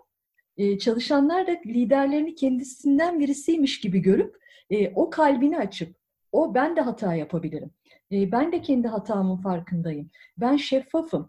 E, dediği noktada zaten ilham vermeye başlıyor otomatik olarak. Bu sefer karşısındaki kişiler de ondan korkmak yerine e, onunla birlikte çalışmak, aynı entegrasyon, senkronizasyon hepsi burada ortaya çıkıyor ve bizim otantik liderlik dediğimiz hani geçen senelerin trend konularından bir tanesi aslında kırılgan liderler, hassas liderler daha çok otantik oluyorlar ve otantik oldukları için de performans artışına e, sebep olan bağlar kuruyorlar. Aslında performans sadece e, sisteme bağlı sayılarla yönetilen bir şey değil. Bağ varsa e, o zaman inanç da var. İnanç varsa eğer aynı değer zinciri içerisinde hareket ediyorsa çalışanlar liderleriyle işte o zaman e, otomatik zaten performans artışı beraberinde geliyor. Yani hepimiz e, insan olduğumuz gerçeğini e, aklımızda tutalım. Yani insanız ama bence bunu zaman zaman unutuyoruz. E, ekipteki kişi onu çok başka bir yere koyduğu için, kişi tabii kendisi o kadar büst gibi bir yere yerleştirdiği için, evet. on, aynı bizim yıldızlara yaptığımız muamele gibi. Hani onlar diyorlar ya, biz de ağlıyoruz, biz de işte e, yemek yiyoruz, biz de acıkıyoruz. Yani ben de insanım, benim de bazı şeylere ihtiyacım var. Herkesin hayatta zaman zaman bazı alanlara ihtiyacı oluyor. Ben yöneticimin eğer gerçekten bir kalbi olduğunu, söylediğim şeyin onu incitebileceğini ama aynı şekilde karşımdaki yöneticimin de ya da liderimin de benim hikayemi de biliyor olması lazım. Yani şimdi sen kimle çalışıyorsun bunu çoğu bilmiyor. Yani her insan ayrı birer hikaye değil mi? Siz hikayelerle de çok ilgileniyorsunuz. E, bir Evet. insanın hayatını bilmeden sıkıntısı var mı? Ailesinde bir hastası var mı? Şu şöyle mi? Bu böyle mi? Yani bu bağlar böyle böyle oluşuyor. Yani anlayarak, dinleyerek oluşuyor öyle değil mi? Zaten e, işte e, hikayeler gerçekten insanın kalbini, beynini, bedenini besliyor. Ve hikaye aslında anlatıcısıyla dinleyicisi arasında gizli bir kontrat böyle adlandırıyorum ben. Eğer siz, tabii hikaye anlatırken şey çok önemli, o apayrı bir konu ama e, anlattığınız e, ortamdaki kültür. Çünkü hani Türkiye'nin her yerinde e, gidip de her şirket ortamında her hikayeyi anlatamazsınız. Yani mutlaka oranın e, hem e, coğrafi yapısını hem bölge kültürünü, hem şirket kültürünü, hem e, ekibin kültürünü, liderin kültürünü bilmeniz ve ona uygun hikayeler anlatmanız gerekir. E, o yüzden de aslında kırılgan lider şeffaflıkla kendi duygularını e, açabilen, hele bunu bir de hikayelerle desteklerse hakikaten yani o zaman tamamen bunu güçlendirecek, alttan hani ateşi e, körükleyen biraz önce Richard Branson'dan örnek verdiniz. E, Richard Branson biliyorsunuz en çok bu storytelling'in business konusuna önem veren liderlerden biri. Tamamen artık kendini ilham veren ve e, etkileyen bir lider olarak tanımlaması da aslında hikayelerle destekliyor bu duygusunda. Ben baktığım zaman işte bu liderlere şöyle diyorum yani bir kibrit yakıyorsanız bu kibritteki ateşi yangın söndürücüyle söndürmeye çalışmamanız gerekir. Aynı şekilde yayılan büyük bir yangını da üfleyerek söndüremezsiniz. Dolayısıyla ortamı çok iyi tanımanız ve o ortama nasıl yaklaşacağınızı bilmeniz iyi bir lider olmanızın en önemli özelliklerinden birisi. Bu hikayeyle olabilir, bu bir sözle olabilir, bu bir davranışla olabilir. E, şunu da yapmamak lazım. Ben şunu görüyorum. Şimdi storytelling in business bir trend oluyor. Herkes bunu yapmaya çalışıyor. Herkes hikaye anlatamaz. Yani Doğru. Tabii. Doğru. Bunda da zorlamamak lazım. Evet, herkesin e, güçlü olduğu bir alan vardır. Kimisi bir şey çizerek anlatır, daha çok etkiler. Kimisi tek bir cümleyle etkiler. Kimisi bir anekdot, bir hikayeyle etkiler. Kimisi de küçücük bir e, belki bir şiirle etkiler ama herkes de her şeyi yapacak diye bir zorunluluk da yok gerçekten. Hikaye anlatıcılığı çok özel bir konu. Ee, onu belki başka bir gün sizinle tekrar Tabii. konuşuruz. Evet, Şimdi evet, çok evet. eğlenceli bir bölüme geçeceğiz ama ondan önce şeyi sormak istiyorum. Kültür demişken biz kültürden biraz bahsetmedik. O biraz eksik kaldı gibi geldi. Hemen sorayım. Yani bir şirketin kültürünü e, o şirketin lideri mi belirler? Aslında doğru söylüyorsunuz çünkü şimdi biz danışmanlık yaptığımız şirketlerde de bir şey söylüyoruz. E, Bunu söylediğimiz zaman da herkes çok şaşırıyor. Diyoruz ki şirket kültürü yoktur, CEO kültürü vardır. Zamanla CEO'nun kültürü şirket kültürü haline dönüşür. Çünkü e, be- benim orada hep kullandığım e, güzel de bir benzetme var. Şimdi bir CEO gelir, e, saz arkadaşlarıyla gelir işte CEO ve söz arkadaşları. Doğru. saz ekibi. E, çünkü CEO şimdi orada geldiği zaman e, farklı bir nota, farklı bir ses çıkmasını istemez. Yani o Hmm. hep çaldığı Bir şarkıyı, konfor alanı oluşturmuş kendisi. da çaldığı şarkıyı gene aynı ezgiyle çalmak ister. Yeni bir enstrüman, yeni bir ses istemez orada. Dolayısıyla evet şirket kültürü yoktur, CEO kültürü vardır. O yüzden bazı şirketler çok şanslıdır ve bazı şirketler de maalesef şanssızdır. Peki, şimdi buradan e, geliyoruz şuraya. E, böyle küçük bir oyun gibi bir şey oynayacağız. Üçümüz de ayrı ayrı e, bu zamana kadar iş dünyasında bizim için en e, başarılı bulduğumuz üç lideri söyleyeceğiz. İlk üçümüz. Yani aslında ben şöyle bakıyorum. e, belki gelmiş geçmiş hani zamanların en iyi liderleri değil de belli yetkinlikleri ve belli alanlara dokunmalarıyla hani benim hayatımda e, farklılık yaratan ve bana kendi iş hayatımda e, ilham veren, e, bana göre e, beni bir ileri noktaya taşıyan kişilerden bahsedeceğim. Mesela benim için e, Kral Koreosus Hmm. Ne yaptınız şu anda siz Hanzade Hanım ya? Hayır şimdi Elif bir şeyin tarihçesini anlatırken gide gide en geri 1800'lere falan gitmişti. Şimdi Öyle deme ya. Adam Kore'de, ve Kore'de şeye gittik. İsa'dan önce 5000 lira falan Bir dakika Kassandra'nın laneti o zamanlar mıydı? E tabii. Eski eski Roma, eski 600 Yunan. Ben kayıttan çıkıyorum şu anda. Bu podcast'ı Vay, bırakıyorum. Seni. Şimdi benim için önemli bir kişi. Çünkü e, hem milattan önce 6. yüzyılda yaşamış biliyorsunuz bir Asya hükümdarı ve ne yaptı? Aslında e, parayı buldu ve e, nakit akışını yarattı. onun nakit akışını yaratmasıyla birlikte aslında dünyada e, ticaretin başlangıcı oldu bu. Ve e, o bir noktada aslında hani e, kıvılcım etkisi Lanet yarattı. gelsin diyoruz yani kendisine. kıvılcım etkisi yarattı. Sonra benim için yine önemli olan e, birisi mesela Walt Disney benim için çok önemli. Benim Hmm. kendi kaynağım. Çünkü hakikaten e, bambaşka bir bakış açısı. E, ve mesela en önemli şeylerinden birisi diyor ki bir kişi asla işi için ailesini ihmal etmemelidir. Yani benim için iş hayatında değerler çok önemlidir. Ve değerlerimizin örtüşmediği, aynı değer yargılarına sahip olmadığımız bugüne kadar hiçbir kurum ve kuruluşta çalışmadık ve bundan sonra da çalışmayız. Yani o çok önemli. Çünkü bir insanın e, değerleri değişmez. Yani bir şey ya vardır ya yoktur. Hı hı. Ve insanı var eden de kendi değerleridir. Üçüncüsü de Çalışmak isteseniz bile olmaz zaten o. Gitmiyor Yok, o işler.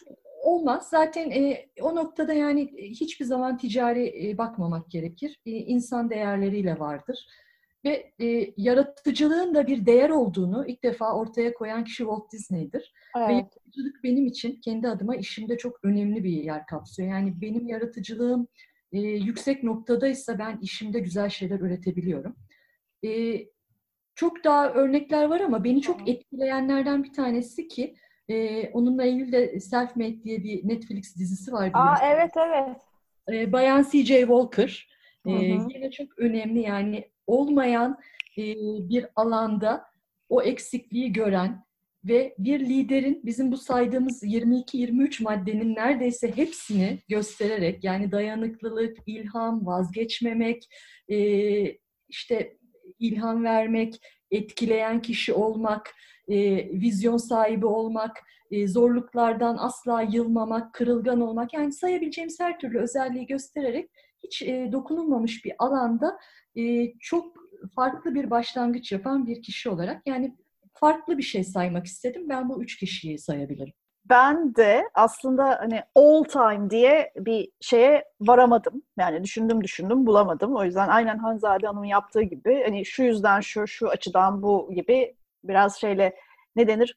Kurallı bir liste yapabildim ancak. En önemli sebebi de tabii bu bahsettiğimiz insanlar maalesef benimkilerin de hepsi yabancı. E, Birebir tanıma şansımız olmadığı için bir şeyden görüyoruz, bir açıdan görüyoruz o insanı ve o gördüğümüz açıdaki değerleri ancak dikkate alabiliyoruz. Benim ilki e, özellikle aktif iş hayatını bıraktıktan sonraki liderlik e, yeteneği gösteri gösterdiği liderlikle Bill Gates. Yani zaten Microsoft'un ne kadar başarılı, ne kadar falan olduğunu anlatmaya, kimseye anlatmaya gerek yok ama daha sonra e, eş, birincisi zaten hala ilk eşiyle evli olması ile başlamak istiyorum konuya.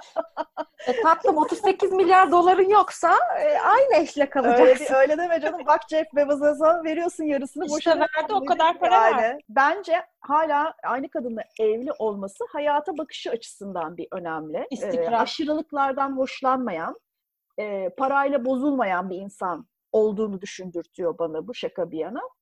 İkincisi e, servetinin çok önemli bir kısmını dünyadaki kronik sorunların kaynağına inmek için harcıyor olması. İşte Harvard'da bilmem ne binası yaptırmak, o foundation'a bir milyon lira, bir milyon dolar bağışlamaktan falan bahsetmiyorum. Yani Afrika'ya gidip sıtmayı bitirmeye çalışıyor adamcağız. E, bilgisini, görgüsünü, bugüne kadar biriktirdiklerini e, sosyal medyada da bir etkin bir rol oynayarak paylaşmaya çalışması benim için mesela çok önemli bir şeydir onun okuma listesi. 2020 Summer Read listi hazırladı 5 kitap. Bence ona da bir bakabilir herkes. Yani ne demiş diye merak ettiğim, bir şey söylediği zaman, dinlediğim, bir şey önerdiği zaman mutlaka gidip bir baktığım bir insan. İş hayatının başarıları belli. Hani mesela Steve Jobs da aynı derecede başarılı bir insan ama aynı derecede insan bir insan değil. Onun için hani Bill Gates'i bu anlamda bir yere koyuyorum. Bir diğeri biraz sektörel bir şey. E, David Ogilvy. E, en önemli sebebi de e, gerçekten de reklamcılığın babalarından biri. Yani bugün reklamcılık anlamında belki çok kısa bir zamanda gelişecek ama 50 yıldır 60 yıldır varlığını sürdüren kurallar dünyasını, oyunun kurallarını yazmış bir adam. E, yazdığı kitaplar hala okunuyor, söylediği sözlerin hala geçerliliği var.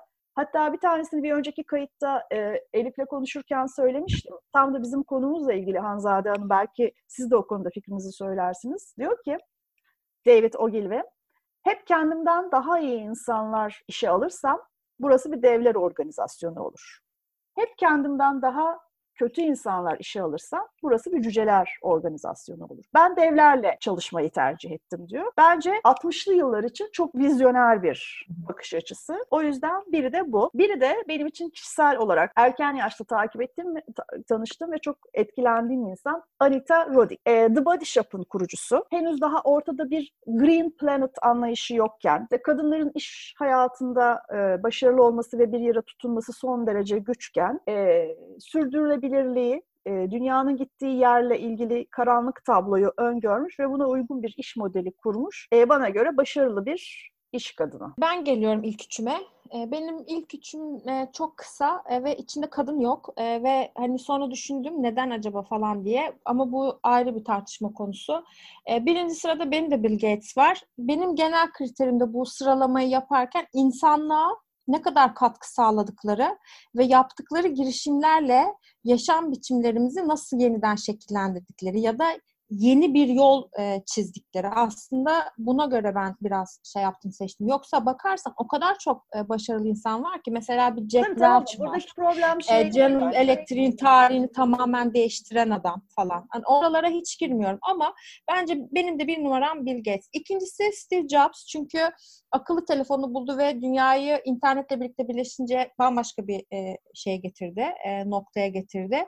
E, üçüncüsü de Elon Musk. Elon Musk biliyorsunuz dün Hala. hava kapalılığından evet yani e, bilmiyorum bazıları seviyor bazıları sevmiyor yani bu bir şey ama ben e, kişisel olarak bakmadım dediğim gibi bu listeye. Biraz daha şey olarak baktım. Gerçek olan şey şu. 11 yıldır Amerika hükümeti, dünyanın en güçlü hükümeti uzaya herhangi bir ekipman yollayamazken şu anda onun SpaceX adlı şirketiyle e, NASA bir işbirliği yapıyor ve dün akşam hava kapalı olduğu için çıkamadılar, gidemediler ama e, uzaya gidecekler. Yani artık bu insanlar e, öyle noktalara getirdiler ki şimdi mesela işte Elon Musk, e, Jeff Bezos ve e, diğeri e, Richard Branson biliyorsun artık bunlar dünyaya sığmayan liderler. Ben bunlarla ilgili bir yazı da yazmıştım. E, artık dünyanın dışına çıktılar ve bunun turizmini başlatıyorlar. Bir tanesi Mars'ta insanlık için yaşam kuruyor. Bir tanesi başka bir şey yapıyor. Bir tanesi başka bir şey yapıyor. Dediğim gibi benim kriterim bu insanlığı ileri götürmekle ilgiliydi. Yoksa bir şirketi ileri götürmek konuşup bakıp edip çözebileceğimiz bir şey diye düşünüyorum. Yani lider deyince ben de gerçekten veto hakkımız var mı? Ben Elon, Elon Musk'ı veto etmek istiyorum. Neden? ya başarılı bir iş insanı olduğu ve iş konusunda çok vizyoner olduğu bir gerçek. Ee, ama e, özellikle şu yeni doğan çocuğuna koyduğu e, isimden İsim sonra mi? hafiften böyle bir hafiften bir sıyırma e, emareleri seziyorum öyle diyeyim. Bununla ilgili keşke böyle bir söz gelseydi aklıma ama şu anda gelmedi. Hani böyle bu insanları şey yapabileceğim. Hani ancak dahiler geleceği belirler falan. Kadında böyle bir Yani şey diyebiliriz. Çünkü sonuçta... biraz da delilik ya aslında bu. Şimdi durup yani. dururken sen niye hani Mars'a yaşam kuracağım diyor musun? Siz mesela diyor musunuz Hanzade Hanım? E, Mars'ta bir koloni kurayım da insanlığın geleceğini devam ettireyim diyor musunuz? Benim öyle bir Şimdi niye Hanzade Hanım'a çemkiriyorsun ki sen? Ya merak ettim ya hani insan en fazla ne düşünebilir? Yani bir lider en fazla ne isteyebilir? Çok merak ettim şu anda. Bu spontane gelişti yani. Tamam peki geri aldım şeyimi. benim aslında e, mesela benim kendimle ilgili e, şöyle bir e, bugünlerde özellikle şöyle bir hayalim ortaya çıktı. Bir şeye liderlik etmek yani bir akıma liderlik etmek. Hani bunu da ilk defa aslında burada şimdi siz sorunca sizinle paylaşmak istedim. Şimdi özellikle bu korona e, sürecinde e, başından bu yana e, kendi alanımızda e, sizlerin ve bizlerin dahil olduğu alandaki bütün yayınları e, merak edip e, farklı kişileri hep takip edip dinlemeye çalıştım. E, ilk başta e, biraz daha acaba e, güzel olacak mı, iyi olacak mı derken sürecin ortalarına doğru e, daha fazla karamsarlığa kapıldım. Hmm. Ve sürecin sonlarında da aslında e, anlamdan, hani hep bahsettiğimiz manadan çok uzaklaşıldığını, e, tamamen e, zamanı gerçekten zaman hırsızlığı yapan birçok e, yayın olduğunu gördüm. Ve bunun üzerine de e, insanların aslında e, birbirleriyle olan iletişimlerinde de e, doğru şeyleri çok iyi analiz edemediklerini, sentezleyemediklerini, yani eleyemediklerini fark ettim. Ve bunun üzerine dedim ki acaba şöyle bir platform mu olsa? Şimdi biliyorsunuz eskiden e, arkadaş kelimesinin e, kökeni arkataştan geliyor. Yani eskiden e, böyle bozkırlarda savaşırlarken okçular birbirlerine sırtlarını dayarlarmış ki hedefe hmm. daha iyi odaklanabilmek için. Ve senin hmm. sırtını dayadığın kişi aslında arkadaşın. Oradan da günümüze arkadaş olarak gelmiş.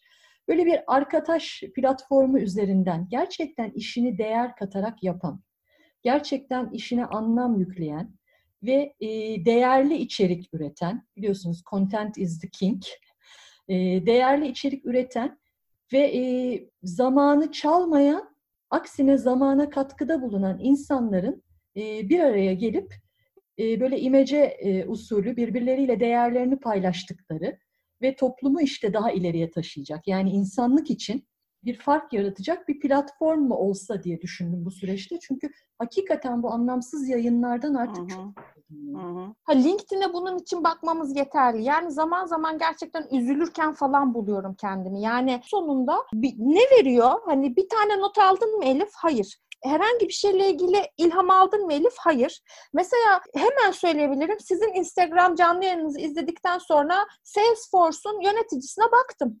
İsterseniz kısaca bir şey yapalım, bahsedelim. Adam ne yapmıştı? Ee, hani nasıl başarılı lider olunur? Biraz da soyut gittik galiba. Böyle bir somut örnek verelim. Ondan sonra da önerilerimizi paylaşıp bitirelim diyorum. Uygunsa sizin için de. Şöyle yapmıştı. Ee, bir kere e, sürekli seyahat ediyordu. Ve e, sürekli seyahat ettiği yerlerde aslında e, sosyal e, medya platformları üzerinden nerede olduğunu paylaşıyordu ki çok geniş bir çalışan e, kitlesi var biliyorsunuz. Amerika'nın her yerine dağılmış durumdalar. Böylece çalışanları onun o sırada o şehirde olduğunu görüp onunla paylaşımda bulunabiliyorlardı. Mutlaka her gittiği yerde bir network oluşturacak bir yarım saatlik bir öğlen yemeği veya bir çay saati organize ediyordu.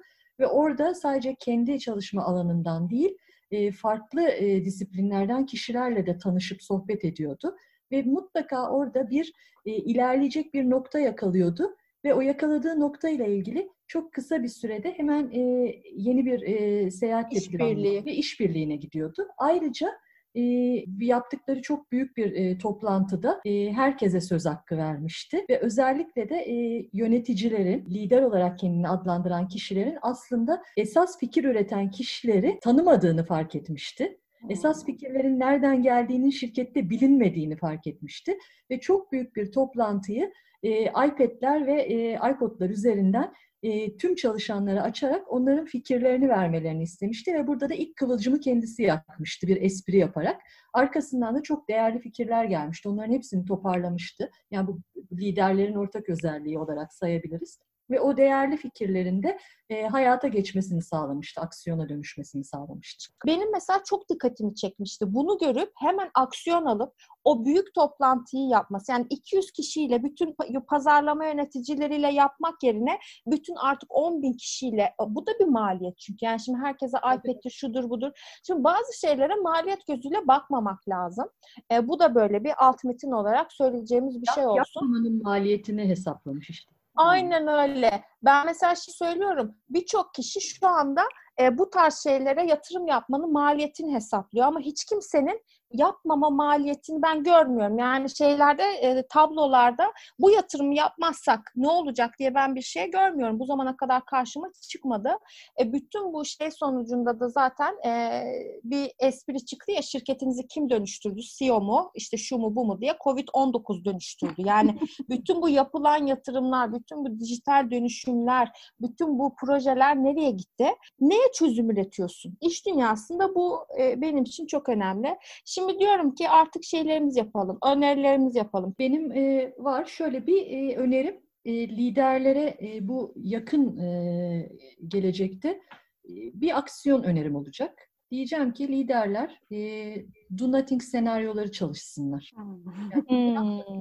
bugüne kadar. Hmm. E, Benim önerim bu olacak. Yani Do Nothing senaryoları üzerine hızlıca çalışsınlar. Dizi olarak biraz önce bahsettiğim Netflix'teki e, Bayan C.J. Walker'ın hayatını anlatan Self-Made dizisi çok etkileyici bir dizi. Çok. Gerçekten önereceğim.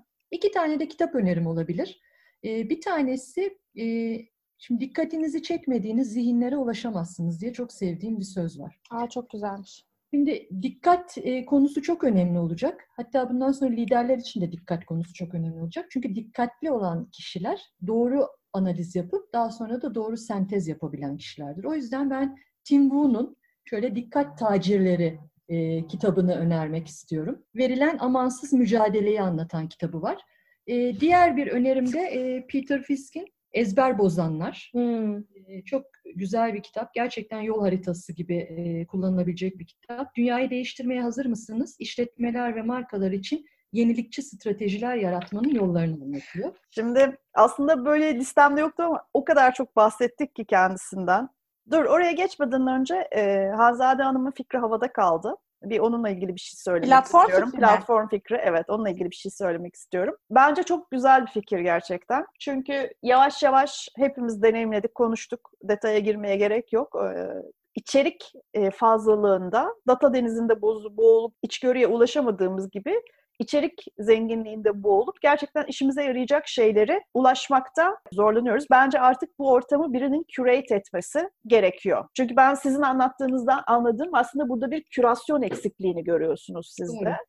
Ee, o yüzden çok şahane bir fikir bence de. İnşallah e, hayata geçtiğini görürüz. Elif'le beraber bir yerinde oluruz. Ee, Bence Evet çok evet değerli bir fikir. sonrasında bunu. Evet. Ne yapabiliriz bakalım. Ee, önerilerime gelince e, dediğim gibi normalde listemde yoktu ama kulağını çok çınlattık. Richard Branson'ın e, ilk kitaplarından biri var. Losing My Virginity. Aa. E, çevirmeyeceğim. evet. E, Virgin biliyorsun şirketinin, e, şirketler topluluğunun adı. Onun kendi iş adamı olma hikayesini anlatıyor. Ve e, kitabı okurken, yeni bir kitap değil bu arada, e, kitabı okurken e, 17 yaşındaydı Richard. E, 17 yaşına kadar gelebildim. Dedim ki bu adamınki hayatsa benimki ne? Çok değişik bir insan. Gerçekten bazı insanlar farklı ve özel doğuyorlar. Bunu net olarak görüyorsun. E, o yüzden e, özellikle kendi işini yapmak isteyen, girişimcilik yapmak isteyen herkese tavsiye edeceğim bir kitap. Bir diğeri de Bill Gates'in 2020 yaz okumaları listesinde vardı. Black Swan. Ben başladım, çok etkilendim. Herkese tavsiye ederim. Evet, galiba bu kadar. Evet, hemen ben hızlıca söylüyorum. Birincisi Jack Welch'in yönetim kitapları e, hep dünyada çok satanlar listesine girmiş. Böyle baktığımız zaman da en başarılı yöneticiler listesinde kendisi. Benim mesela dikkatimi çeken şu oldu. Aslında GE'yi yani General Electric'i General Electric yapan adam e, diyorlar onun için. Şey gibi bu. Rams diye bir e, ta- tasarımcı var ya Dieter Rams. Şeyin Philips'i Philips yapan tasarımcı nasıl oysa GE de GE yapan e, yönetici bu diye ayrılırken, emekli olurken yani 417 milyon dolarlık kıdem tazminatı alarak ayrılmış. Sonra e, Bob Iger'ın e, The Ride of a Lifetime diye yeni bir kitabı çıktı. E, burada da anlatıyor e, işte Disney'i nasıl e, 15 yıl boyunca yönetti ama çok önemli merger'lar yaptı, çok önemli birleşmeler yaptı. O var. E, üçüncüsü Michelle Obama'nın Becoming kitabı. Burada da aslında ne kadar e, zorluk e, çekmesine rağmen işte dayanıklılığın şeyi bir göstergesi. Mesela Princeton'a gitmek istediğini söylüyor üniversite olarak. Ona diyorlar ki sen oraya gidemezsin ki hem kızsın hem siyahsın. Hani nasıl olacak falan. Bütün bu zorlukları aşma hikayesi. insanın kendi değerini kendisinin belirlemesi. Nerede olmak istiyorsa ona göre planlama yapmak istemesi. Kurgusunu ve e, hikaye anlatıcılığını çok beğenmesem de Netflix'te bir belgeseli var. Bazıları kitap okumaya üşenebilir. e, ona bakabilir. Shirley Sandberg var. Şu anda Facebook'un COO'su, Chief Operation Officer'ı. Ama aynı zamanda dikkat çekici bir bilgi olarak da şunu gördüm. Bill Clinton döneminde Hazine Bakanlığı'nda görev almış kendisi. Başarılı bir yönetici. Burada önereceğim kitabıysa sanılanın aksine Lean In değil, Option B. E, bu kitapta e, biliyor musunuz bilmiyorum eşini bir e, hastalık sebebiyle kaybediyor ve bu onda büyük bir travmaya sebep oluyor. Yani ne çalışmak istiyor ne hayatına devam etmek istiyor. Facing adversity, building resilience and finding joy. Yeni bir e, şey bulma, motivasyon bulma hikayesi. Spesifik kitap ismi olarak değil ama iki yazar önereceğim. Birisi Daron Acemoğlu. Dar Koridorlar diye bir kitabı var. Bence çok iyi. Ekonomi anlamında yani bir, bir e, yöneticinin özellikle bu günümüzün belirsizlik ortamında anlayabilmesi için böyle şeylere bakması lazım. Diploması için Henry Kissinger'ı öneriyorum. E, inanılmaz bir e, adam. Tarihe geçmiş zaten. Hillary Clinton'ın e, Hulu yapımı bir belgeseli var. Dört bölümlük. E, size de tavsiye ediyorum eğer izlemediyseniz. Ben Hillary. Clinton'ın biraz daha insani boyutunu gösteriyor. Yani şimdi bir siyasetçi eşi var ama Hillary Clinton öyle bir kadınmış ki çok feminist, ondan sonra biraz daha böyle hayata aykırı yaşayan, eşinin soyadını kullanmayı reddetmiş mesela çok uzun bir dönem. Bu onlara bir seçim kaybettirmiş. Sonra kullanmaya başlamış soyadını. E işte üniversiteye girerken e, çok zorlanmış falan. Böyle çok güzel hikayeleri var. Onunla Ama bakılabilir. şöyle bir parantez açayım. Mesela e, kendi soyadını bildiğim tek başkan eşi. Hillary Rodham Clinton. Diğer bütün Ama- başkan eşlerini düşün. Başka kimsenin soyadını bilmiyorsun. Ama Evet. Hillary'ninkini biliyorsun. Ve Inside Bill's Brain diye Bill Gates'in e, hayatın içine Canım. böyle ufak bir giriş yapan bir belgesel var yine Netflix'te. Ayrıca da Gates Notes isimli blogunda da bu Evet. kitapları öneriyor. Benim de öneri listem bu kadar. Umarım dinleyenlere faydalı olan bir liste olur. Hanzade Hanım siz e, böyle çok e, sakin konuşuyorsunuz ama çok önemli şeyler anlatıyorsunuz. Birçok insanı dinlerken e, gerçekten hani ne öğreniyorum, ne ilham alıyorum anlattığım gibi sektör şekillendirmeye ihtiyacı olan yanı var. E, bence e, sizin gibi insanları daha fazla görmeliyiz, daha fazla sesinizi duymalıyız, daha fazla anlatmalısınız. Çünkü e, hani öğrenilmiş bilgi başka bir şey.